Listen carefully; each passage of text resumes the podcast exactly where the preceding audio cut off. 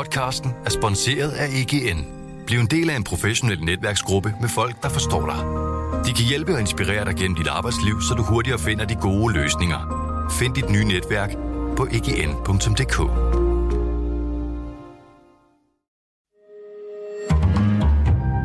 Berlingske.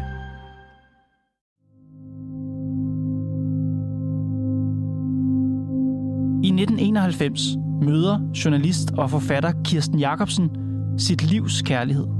Vi gik i seng, stod op meget sent og flyttede aldrig fra hinanden.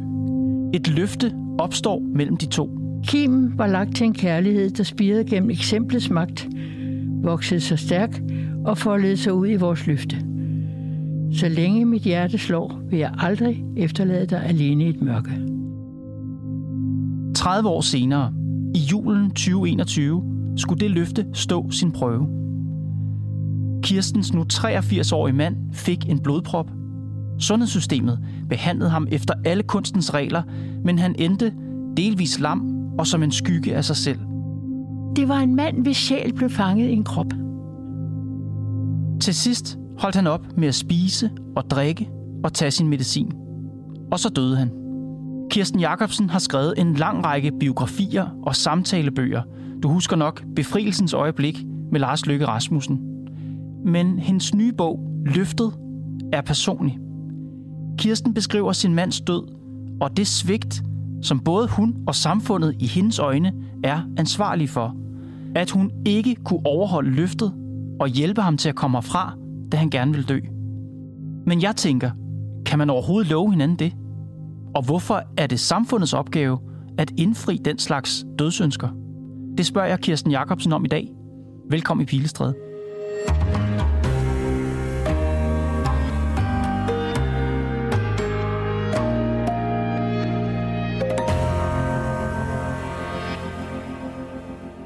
Vi har aftalt, Kirsten, at vi klipper det ud, hvis du kommer til at græde. Hvorfor? Fordi jeg hader sentimentalitet.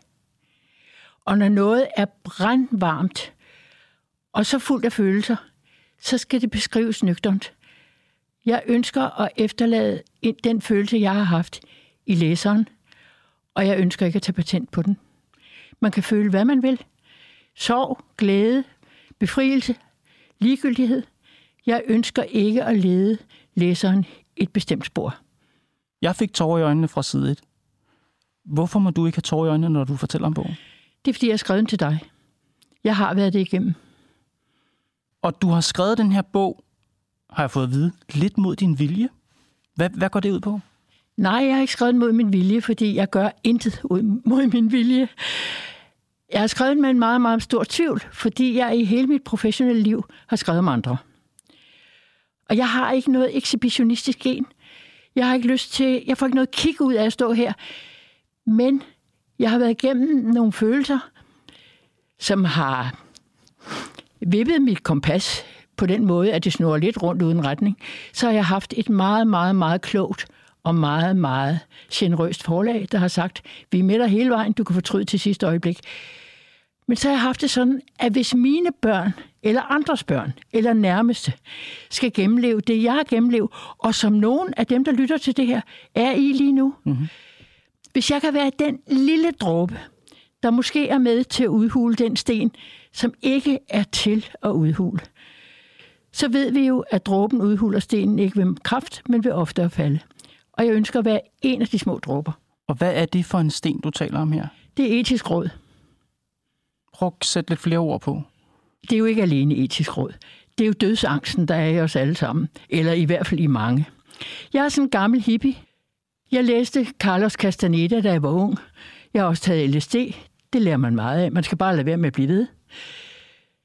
I hele mit liv har døden siddet på min ene skulder.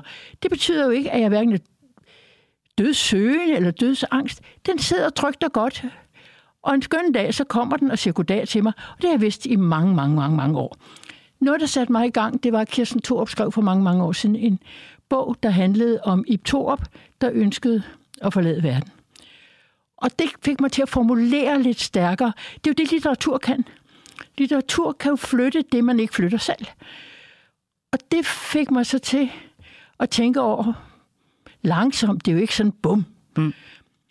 Men langsomt, jeg har levet længe, ikke? langsomt. Det er jo ikke døden, vi frygter. Det er jo, hvordan vi dør. Og det er jo så efterhånden, så møder jeg en mand, der er ligesom mig, og vi taler fuldstændig tillidsfuldt og åbent og fordomsfrit med hinanden om alt. Fra hver vores synspunkt, fordi vi er uenige om det meste. Var uenige om det meste. Men en ting var vi enige om. Vi har bestemt selv så meget i vores liv. Vi vil ønske, at vi også kunne selv få lov at bestemme, hvordan og hvornår vi skal dø. Og din relation til din mand vender vi tilbage til, men jeg hæfter mig ved, at du siger, at der er en sten, der skal udhules, og så spørger jeg dig, hvilken sten, så siger du etisk råd. Hvad er problemet? Ja, jeg ved faktisk ikke, hvad det er. Jeg tror, det er en dødsangst, der er generelt. Men samtidig vil jeg sige, vi kan jo mere og mere og mere i retning af at forlænge livet. I gamle dage, der lagde gamle folk rumpen til samfundet, og så døde de. Efter en uge, 14 dage, de vendte ryggen til samfundet og fik lov at dø i fred. Altså i dag er alle svar, og jeg anklager ikke et eneste menneske i sundhedssystemet. Jeg har ikke mødt andet end enestående mennesker. Men jeg anklager eller angriber tankesættet. Jeg siger bedst muligt i eget liv. De siger længst muligt i eget liv. Og den køber jeg ikke. Mm. Livet er kosteligt, men det er ikke uendeligt. Vi dør. Og det gør din mand jo også, ja. og det har du skrevet en bog om. Ja. Og jeg vil gerne vende tilbage til din kritik af, hvad der er galt med systemet. Men det, jeg synes, der løfter din bog, og som hele din bog jo handler om, det er jo din øjenvidensskildring af det her forløb. Og det vil jeg gerne have dig til at prøve at hjælpe mig med at få frem i podcasten også. I havde givet hinanden et løfte, ja. og bogen hedder jo også Løftet. Prøv lige at fortælle, hvordan det kom i stand, det løfte. Jamen, det kom jo i stand, fordi min mand og jeg var i 41 år frie fugle. Vi lagde ingen begrænsninger på hinanden. Når vi levede fuldstændig frit, frivilligt ægteskab, der var så lykkeligt. Og når man siger et frit ægteskab, så tror folk, man boller omkring. Det var overhovedet ikke det, det handlede Altså, overhovedet ikke det, det handlede om. Det kunne det jo godt have været, men det var det ikke. Mm. Det handlede om, at vi aldrig lagde... Vi prøvede aldrig at hegne hinanden ind. Og så en dag sagde vi, hvad sker der egentlig? Langsomt og stille, og ikke en bestemt eftermiddag, men langsomt gennem alle de samtaler, vi havde dagen lang om, hvad sker der egentlig med os den dag, vi ikke er alene afhængige af hinanden, men af andre? Og så var vi enige om, at vi ville være uspiselige for andre. Hvad betyder det? Det vil sige, at vi ville jo ikke have lyst til at leve. Det vidste vi godt. Og, og hvad lovede hinanden? Hvad, hvad, hvad så lovede vi hinanden, at vi bliver hos hinanden uanset hvad. Vi bliver vi hos hinanden ja. uanset hvad? Ja. Prøv lige at sætte nogle ord på, hvad det vil sige. Jamen, det vil jo sige, at vi overlader ikke hinanden til andre. Jeres løfte var, at I aldrig måtte give slip på hinanden, og I måtte ikke give slip på hinanden, for eksempel hvis I blev afhængige af andres hjælp. Ja. Men når det kun er den ene af jer, der bliver afhængig af andres hjælp, hvad ligger der så i løftet? Så ligger der i, at vi vil altid respektere hinandens ønske frem for vores eget. Og hvad var din mands ønske? At dø.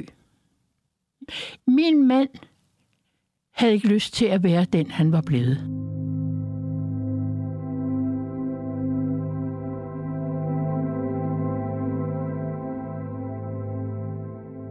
Så Kirsten, I har igennem jeres parforhold løbende en sagt eller usagt forestilling om det her med, at I skal gøre for hinanden i det tilfælde, hvor der bliver brug for det. Yes. Og din bog starter jo med den situation, hvor der så, kunne man sige, bliver brug for det, nemlig kort før julen 2021. Prøv lige at forklare, hvad det er, der sker. Altså, der sker det, vi er ude at købe ind. Og han kan ikke huske koden. Det er jo noget, man nogle gange ikke kan. Man skal lade være at huske den, man skal bare trykke den. Okay, det kan han så ikke. Så sidder han i bilen, og så holder vi foran der, hvor vi plejer at parkere foran huset. Så siger han, hvorfor er vi her? Og så kan jeg se, det her det er helt galt. Hmm. Helt galt. Så hvordan, kan, ind, hvordan, og, hvordan, hvordan kan du se det? Det kan jeg se, fordi hans ansigt begynder at hænge, og jeg kan ikke forstå, hvad han siger. Jeg siger, bliv siddende, og han prøver at komme ud af bilen, og vi kan ikke rigtig kommunikere. Og så ringer til 112. Og så vil jeg gerne sige noget til samfundet så bringer det danske velfærdssamfund en 83-årig mand med 10 års underliggende sygdom i helikopter til Skyby. Tak, tak, tak.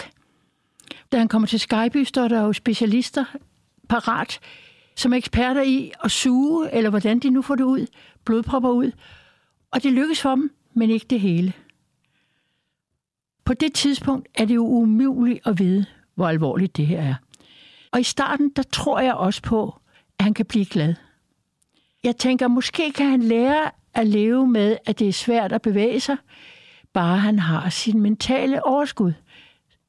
I får lavet jeres hjem om. I ja. bygger jeres hjem om, så han kan sove derhjemme, så du kan ligge tæt på ham ja. og sove sammen med ham. Hold dem i hånden hver nat. Hvad bliver ligesom udgangen? Hvordan, hvad sker der? Jamen, der sker, jo, der sker jo det, der sker jo for tusinder af mennesker i Danmark lige nu. At der kommer hjælp fra det offentlige, og den er den var i vores tilfælde 99,9 procent fantastisk god. Men den viden, der var i vores tilfælde, det kan være anderledes for andre, at det her går kun den forkerte vej. Den er du på en eller anden mærkelig måde ensom med. For de sagde jo til mig, og det skal de jo også sige til mig, husk han skal drikke, husk han skal spise. Og jeg stillede mad foran ham hver dag, tre gange om dagen. Jeg stillede væske foran ham tre gange om dagen. Jeg stillede hans piller foran ham tre gange om dagen. Nogle gange tog han dem i starten, nogle gange tog han dem ikke. Og da det er faktisk på årsdagen, hvor russerne går ind i Ukraine, der kunne han ikke finde ud af, hvad der skete. Han kunne ikke huske, hvem Putin var. Han kunne ikke rigtig finde ud af, hvad det var, der skete. Vi holdt op med at se nyheder, noget, der har været en integreret del af hans liv. Han, hans problem var, at han vidste, at han ikke kunne følge med. Han vidste, hvad han ville sige, men ordene kunne ikke komme ud af munden på ham. Mm. Det vil sige, inde i hans krop sad en fri mand i fængsel. Og der tror jeg, han træffede sin beslutning. Og så kan du sige, at det er jo helt vanvittigt. Der tror jeg, han fandt ud af, et, jeg skal have hjælp til at røre mig. To, jeg kan ikke finde ud af, hvad der sker i verden. Tre, jeg har en kone, der elsker mig. Hun vil hjælpe mig hele vejen. Jeg vil ikke mere. Sagde han det til dig? Nej, det behøvede han ikke. For jeg kunne bare se, vi så jo på hinanden. Vi så jo på hinanden, når han ikke spiste. Og jeg sagde aldrig, du skal spise, mm-hmm. du skal drikke, mm-hmm. du skal spise dine piller. Fordi, Kåre, jeg var ikke hans sygeplejerske, jeg var hans elskede. Tre gange om dagen stillede jeg fortsat de små portioner med mad og alle pillerne frem i den lille skål. Vi ser på hinanden og skåler i lidt vand. Jeg ved, hvad han er i færd med. Han ved, jeg ved det. Vi behøver ikke tale om det.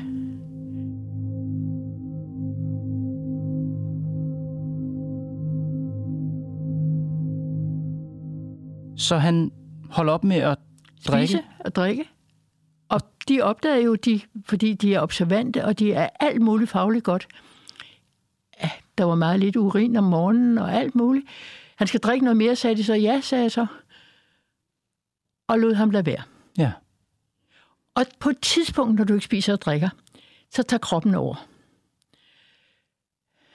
Den, du bliver mere konfus, meget mere konfus. Det vil sige, hans vilje til det, han havde givet sig i kast med, bliver jo mere diffus. Altså, jeg stiller store krav til livet, det ved jeg godt, og man kan måske ikke stille store krav til døden. Men jeg ville have ønsket for hans skyld.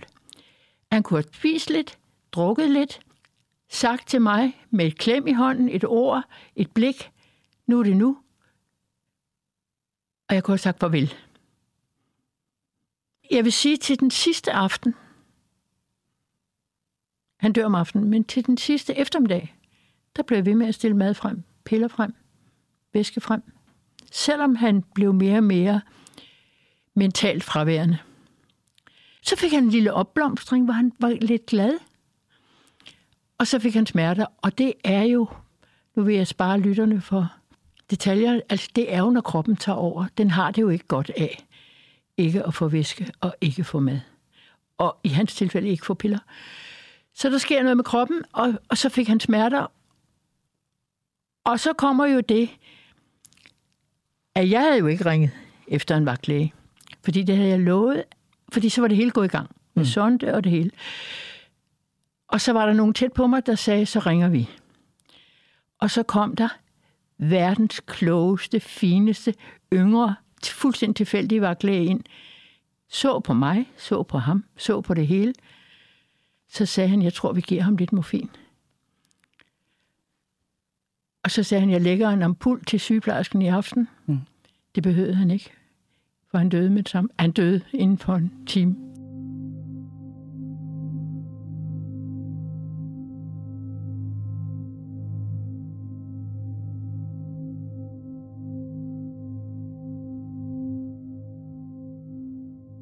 Kirsten, efter at have fået en blodprop kort før jul 2021, øh, og efter at have været igennem noget genoptræning og komme hjem til dig, og efter at have sultet sig i uvis, så dør han.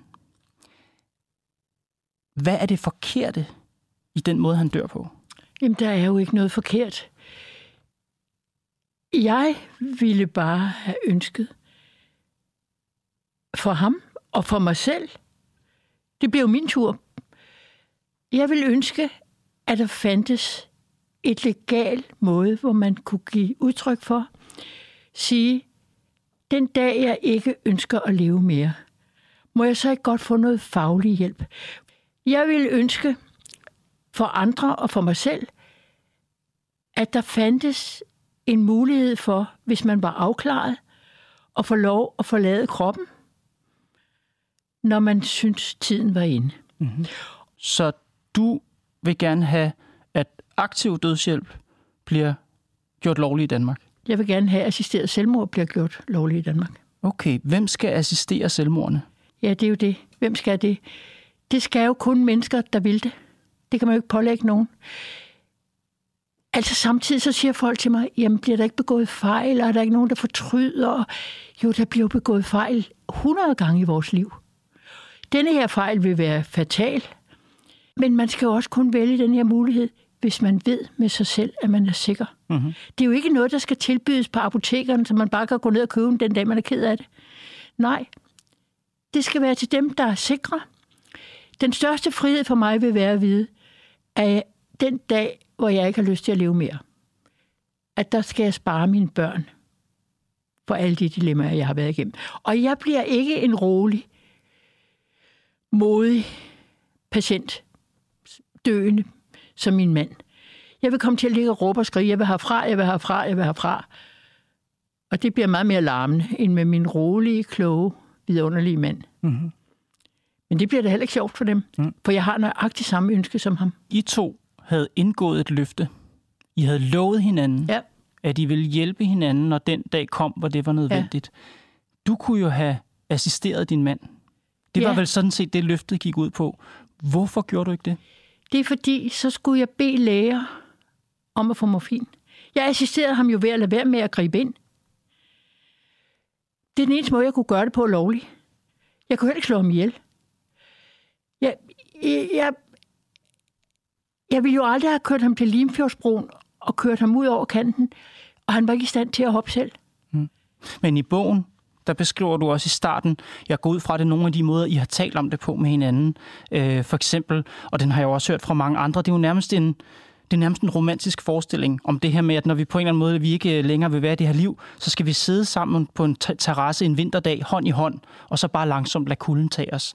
Det er jo et meget romantisk billede. Ja, eller et teaterstykke, kan du sige. Ja, men, men, men sådan er døden Ikke, at jeg skal opfordre til noget, men det kunne du vel godt have gjort. Han det kunne, kunne vel godt have siddet på en terrasse og langsomt glide ind i døden der. Det kunne jeg godt have gjort, ja. Men Kåre, hvis han havde sagt, Kirsten kører mig ud på terrassen, og lad mig sidde i frostvær, så havde jeg jo slået min mand ihjel. Aktivt. Det ville han jo aldrig have spurgt mig om. Og ved du hvad? Jeg er jo frihedselskende, men samtidig er jeg en lovlydig borger. Hvis samfundet har, fællesskabet har bestemt, vi må ikke tage livet af hinanden, mm-hmm. så respekterer jeg det. Men jeg har haft lyst til det. Men så er vi faktisk inde ved kernen i jeres løfte. Fordi en ting er, hvad for et samfund vi har. En ting er, hvad for nogle regler vi har. Men du skriver selv i bogen, at det var jo nødvendigt at have det løfte, fordi vi, ved, vi, vi to ved udmærket ja. godt, at vi har ikke de samme grænser som resten af ja. samfundet. Hvorfor er det så samfundets ansvar at ændre sig? Så er det vel jer to, der skal, om man så må sige, handle. Det, det er vel ikke noget, man kan lægge over på andre mennesker? Nej, det har du sådan set også ret i. Men mindre samfundet finder ud af, at i samfundets og det enkelte menneskes interesse, det er du fuldstændig ret i, der er det at lade være med at forlænge livet for enhver pris. Indtil det sker, der er der den mulighed, min mand valgte. Og jeg håber, jeg har samme konsistens, mod, og i øvrigt holder min mund mm-hmm. undervejs, som han gjorde. Han gjorde det værdigt, smukt og nemmest muligt for mig. Du siger, at samfundet vil bare forlænge borgernes liv for enhver pris. Det synes jeg ikke er helt rigtigt øh, øh set, fordi det er jo, som øh, din mand også havde muligt at lave livstestamenter, det er muligt at sige nej til behandling. Det er muligt, som din mand gjorde, at sige nej til medicin. Ja. Det kan man jo godt. Ja. Øh, men der er en afgrundsdyb forskel fra et sundhedssystem, der respekterer, når folk siger nej, til et sundhedssystem, der skal ind aktivt og hjælpe til med at tage livet af folk. Det er bare en, en, en stor grænse at, at, at træde over. Det er jeg fuldstændig enig med dig i. Det eneste, jeg vil sige, det er, lad mig så sige, lad mig stille min krav lidt lavere.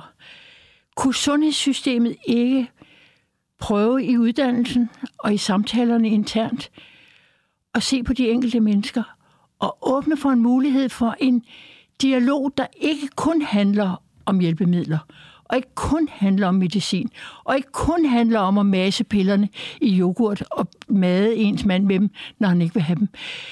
De respekterer det jo, men det sundhedssystemet gør, det er, at det træder til i den aller, aller sidste tid med palliativ behandling. Det gør det, ja. Passiv dødshjælp, det gør det. Det, jeg taler om, er jo, at vi, ligesom vi har ret til at bestemme over vores krop, mens vi lever, må vi så ikke have lov at bestemme om, hvornår vi vil forlade den. Unge mennesker skal dø, gamle mennesker skal dø. Det er ingen tragedie at dø, når man er gammel. Mm. Det er en sorg. Og det er ikke nok, som du synes nu, at man kan sige stop til behandling. Jeg vil ikke mere. Men systemet skal også aktivt gå ind og hjælpe folk af dag. Ja, det synes jeg. Kirsten, en ting er din kritik af, hvordan vi tænker om død i samfundet.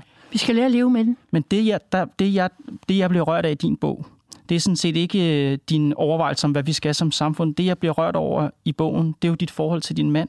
Ja. Og den aftale, der lå mellem jer, som jo på en eller anden måde, når vi skræller alt det der samfundsnåde af, så er det jo det, der er det centrale i bogen. Men jeg tænker bare på, om man overhovedet nogensinde kan love hinanden det, som I to lovede hinanden. Det kan man ikke. Nej, du siger hende i slutningen... Det kan man ikke. Det er et løft, der er umuligt at holde. I slutningen af bogen skriver du, jeg fik aldrig sagt, jeg giver slip på dig. Jeg sætter dig fri, som du ønskede at sætte mig fri, selv da du var allermest hjælpeløs. Det er mit enorme svigt. Hvis løftet ikke kan indfries, hvordan kan du så svigte? Han indfriede det. Og ved du hvad, når man er to, så er det jo nok, at den ene gør det. Han indfriede det. Men du siger... Han, indfri... han udfriede sig selv. Men du siger, at det ikke er en tragedie, når en, en, en, øh, en 84-årig, når et 84-årigt menneske dør. Jeg synes, det er en tragedie, at du dømmer dig selv så hårdt. At du, at du skulle have svigtet ham i den her situation, det har jeg svært ved at se. Jamen, det kan da også godt være, at jeg ikke har det. Jeg føler jo bare, jeg føler jo på en eller anden måde, at han alligevel endte ensom i det. Ja. Men det er døden. Altså undskyld, jeg er sådan et hård her, Jamen, men jo... døden er jo ensom. Ja, I du... sidste ende er døden jo ensom. Og den der forestilling, som du øh, fortæller om et par gange her med, at øh, øh, du sætter pris på det frie valg, og, og, og du har haft en tilværelse, hvor der er alt muligt, du har haft mulighed for at vælge. Der er jo ikke nogen, der har sagt, at døden skal være præget af valg. Måske er døden ikke præget af valg. Måske er døden netop alt andet end præget af valg. Og, og måske er det også lidt voldsomt at pålægge hinanden, at man skulle kunne gå ind og træffe beslutninger i forhold til døden. Det, det er jo en meget stor ting at love hinanden. Ja, men sådan var vi bare. Og jeg vil sige, det mest sigende for mig var, at jeg slipper jo hans hånd for at gå ud og drikke glas vand. Og der fik han endelig fred for mig til at dø. I de, de få sekunder, jeg var ude og drikke et glas vand. Og ved du hvad, det er så efter jeg har skrevet bogen, og det hele er færdigt, og den er trygt og alt muligt, der har jeg fået at vide, at det er faktisk ikke usædvanligt, at døende dør i det øjeblik, deres nærmeste. Lad dem være lidt i fred. Så jeg er jo helt enig med dig i, døden er ensom. Det er processen, der ikke behøver at være helt så ensom som vores.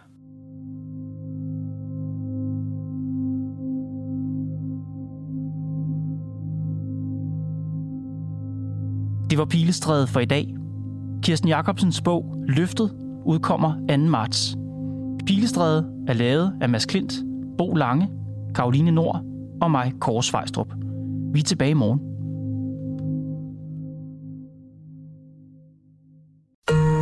Podcasten er sponsoreret af EGN. Bliv en del af en professionel netværksgruppe med folk, der forstår dig. De kan hjælpe og inspirere dig gennem dit arbejdsliv, så du hurtigere finder de gode løsninger. Find dit nye netværk på egn.dk.